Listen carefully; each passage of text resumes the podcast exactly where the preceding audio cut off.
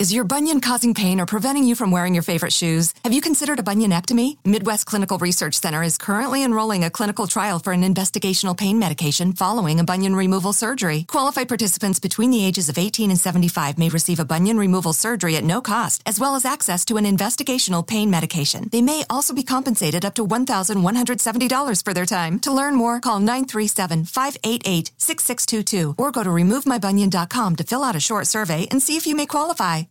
Did you know Amazon provides ways of working that fit your lifestyle? They know you value your time outside of work, juggling family, school, friends, or other activities. That's why they offer a variety of shifts that work for you. There are full time, part time, and even temporary opportunities that can work with your schedule, with great starting pay and sign on bonuses. If you want a career that fits and adapts to your lifestyle, head to Amazon.com slash apply. Amazon is a proud equal opportunity employer.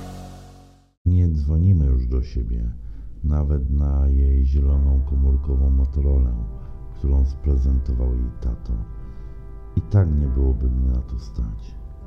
W czasie naszych erotycznych sesji poznaję jej tak różne od mojego pełne miłości i spokoju dzieciństwo, wsparcie ojca, gdy stawała się kobietą oraz przesączone samotnością i niespełnieniem małżeństwo zawarte bez przymusu kilka lat przed narodzeniem dziecka. Byłam szalona, zrobiłam wtedy ten tatuaż. Imponowali mi twardziele tacy jak mój mąż. Prości, zdecydowani, pewni swojej recepty na życie. Nie wiedziałam, że to oznacza słabość i cynizm na co dzień. Myślałam, że zawsze będę księżniczką, ponad tym wszystkim. Tymi i podobnymi słowami nieświadomie wspiera moje niedowartościowane ego.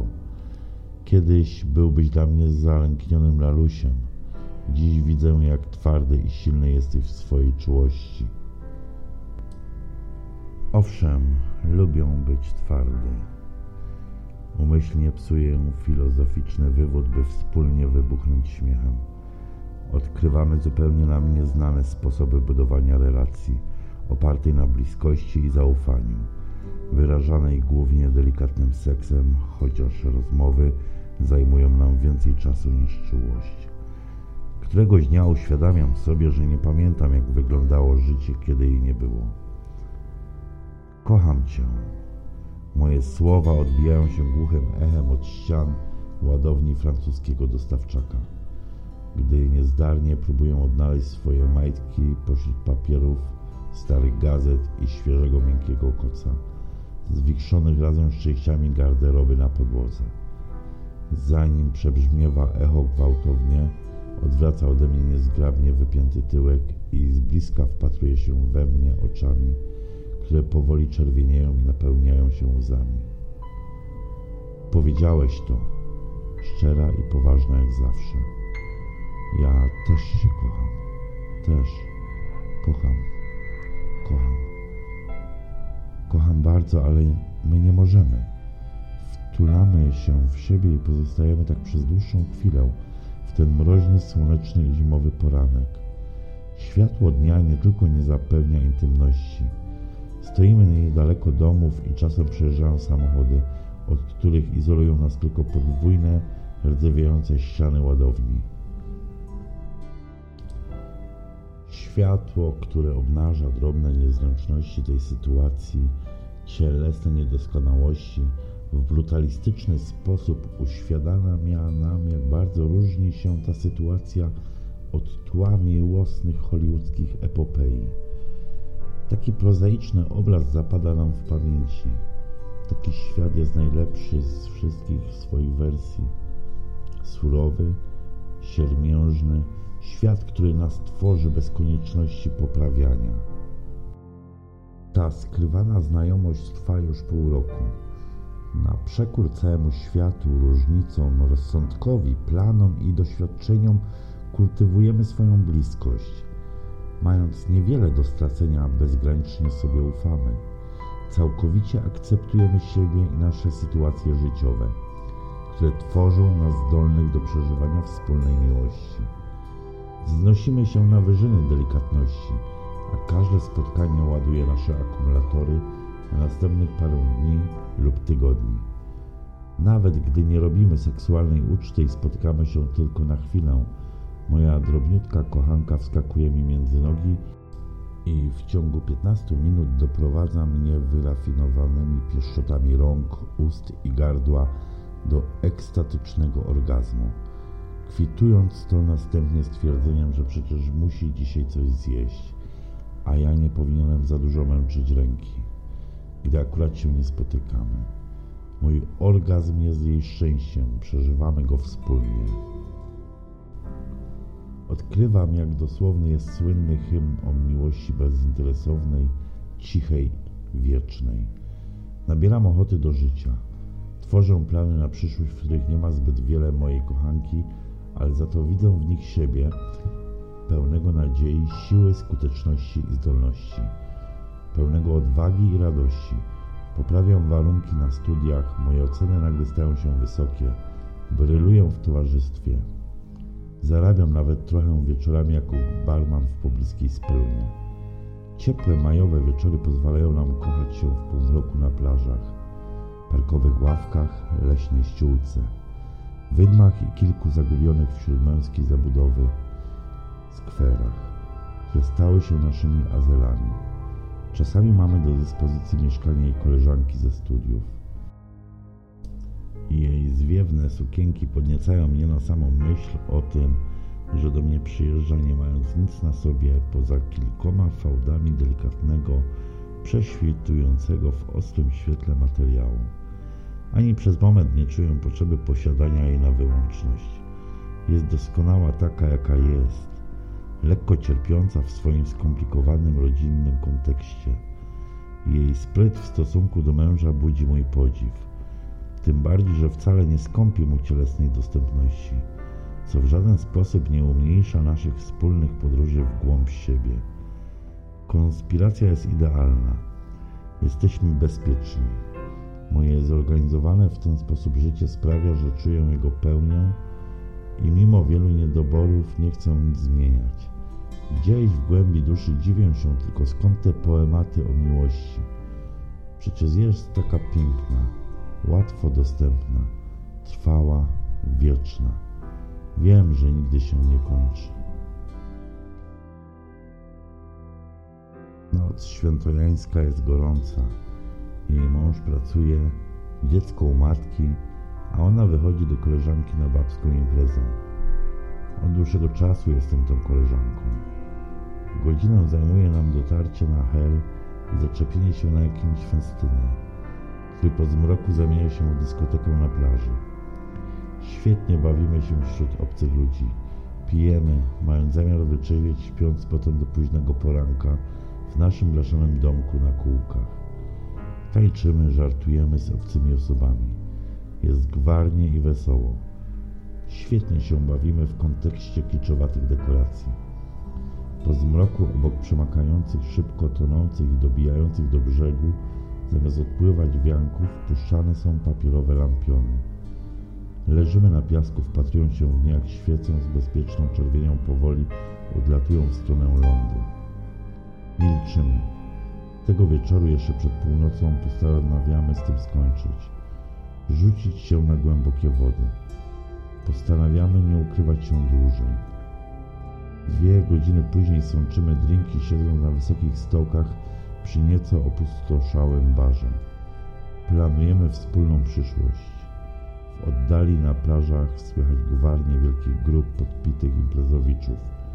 Ktoś wyzywa kogoś w oddali. Jakaś kobieta wybucha śmiechem, który echo niesie nad wodami. Podszedł za jej pleców, przenikliwie wpatrując się we mnie.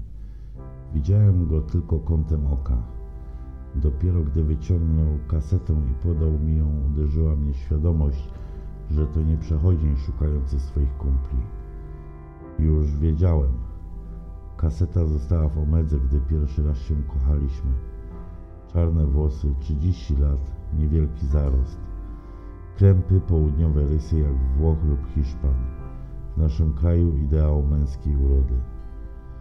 Wiem wszystko. Tylko dlaczego? Dlaczego to kurwa robisz? Dlaczego rozpierdalasz moją rodzinę? Łapię ją za ramię i bez odrywania ode mnie wzroku kontynuuję tyradę o poziomie skurwysyństwa i o tym, co powinienem ze mną zrobić. I dlaczego posiadanie ojca na wolności przez jego dziecko jest dla mnie go ważniejsze. Milczą jak wryty, a adrenalina dewastuje moje mięśnie.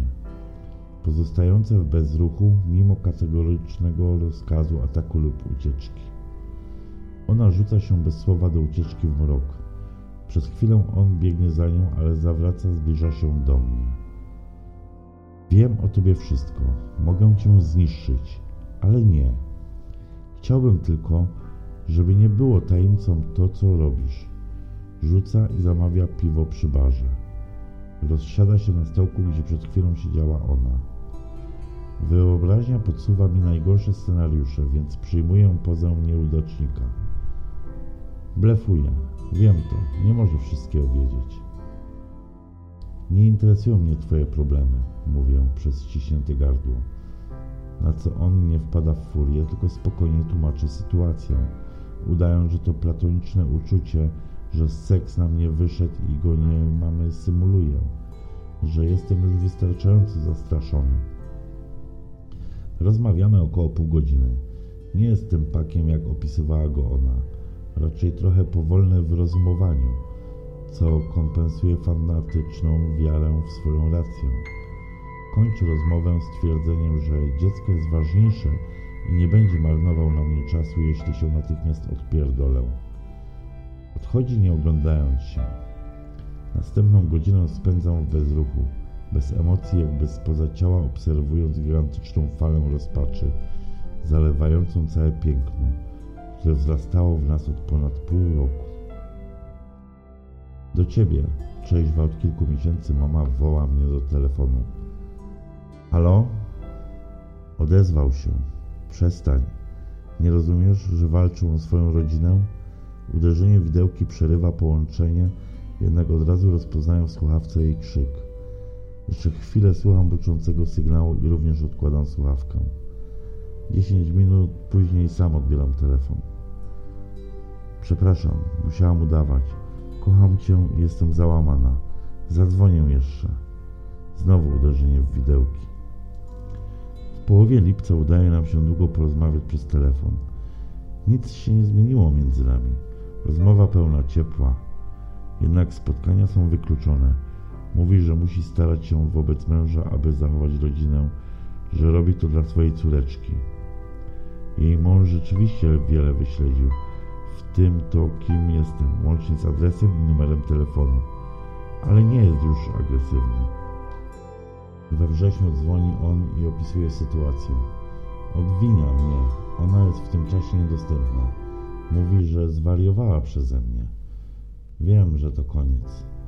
Dzwoni jeszcze kilka razy, sprawia wrażenie odpowiedzialnego i zatroskanego. W jakimś sensie traktuje mnie jak kogoś, kto może pomóc. Mam świadomość, że zniszczę to, co ją tworzy, co tworzy jej subtelność i doskonałość, a w tym wszystkim ją samą, jeśli nie odpuszczę. Więc odpuszczam. Aby przypieczętować ten stan rzeczy, postanawiam zerżnąć przypadkowo poznaną kobietę, co ma miejsce następnego dnia. To pierwsza moja kobieta od przesilenia letniego. Starsza ode mnie chyba dwukrotnie, ale atrakcyjna, ponętna, wysportowana, z wydatnym, sterczącym biustem. Dobrze utrzymana. Gdy opuszczam jej ogromne, pełne dzieci mieszkanie, nie zdradzając nawet swojego imienia, jest upojona rozkoszą, taktowną rozmową, wielokrotnie zaspokojona i pewna, że teraz tak zawsze będzie. Nigdy tam jednak nie wracam.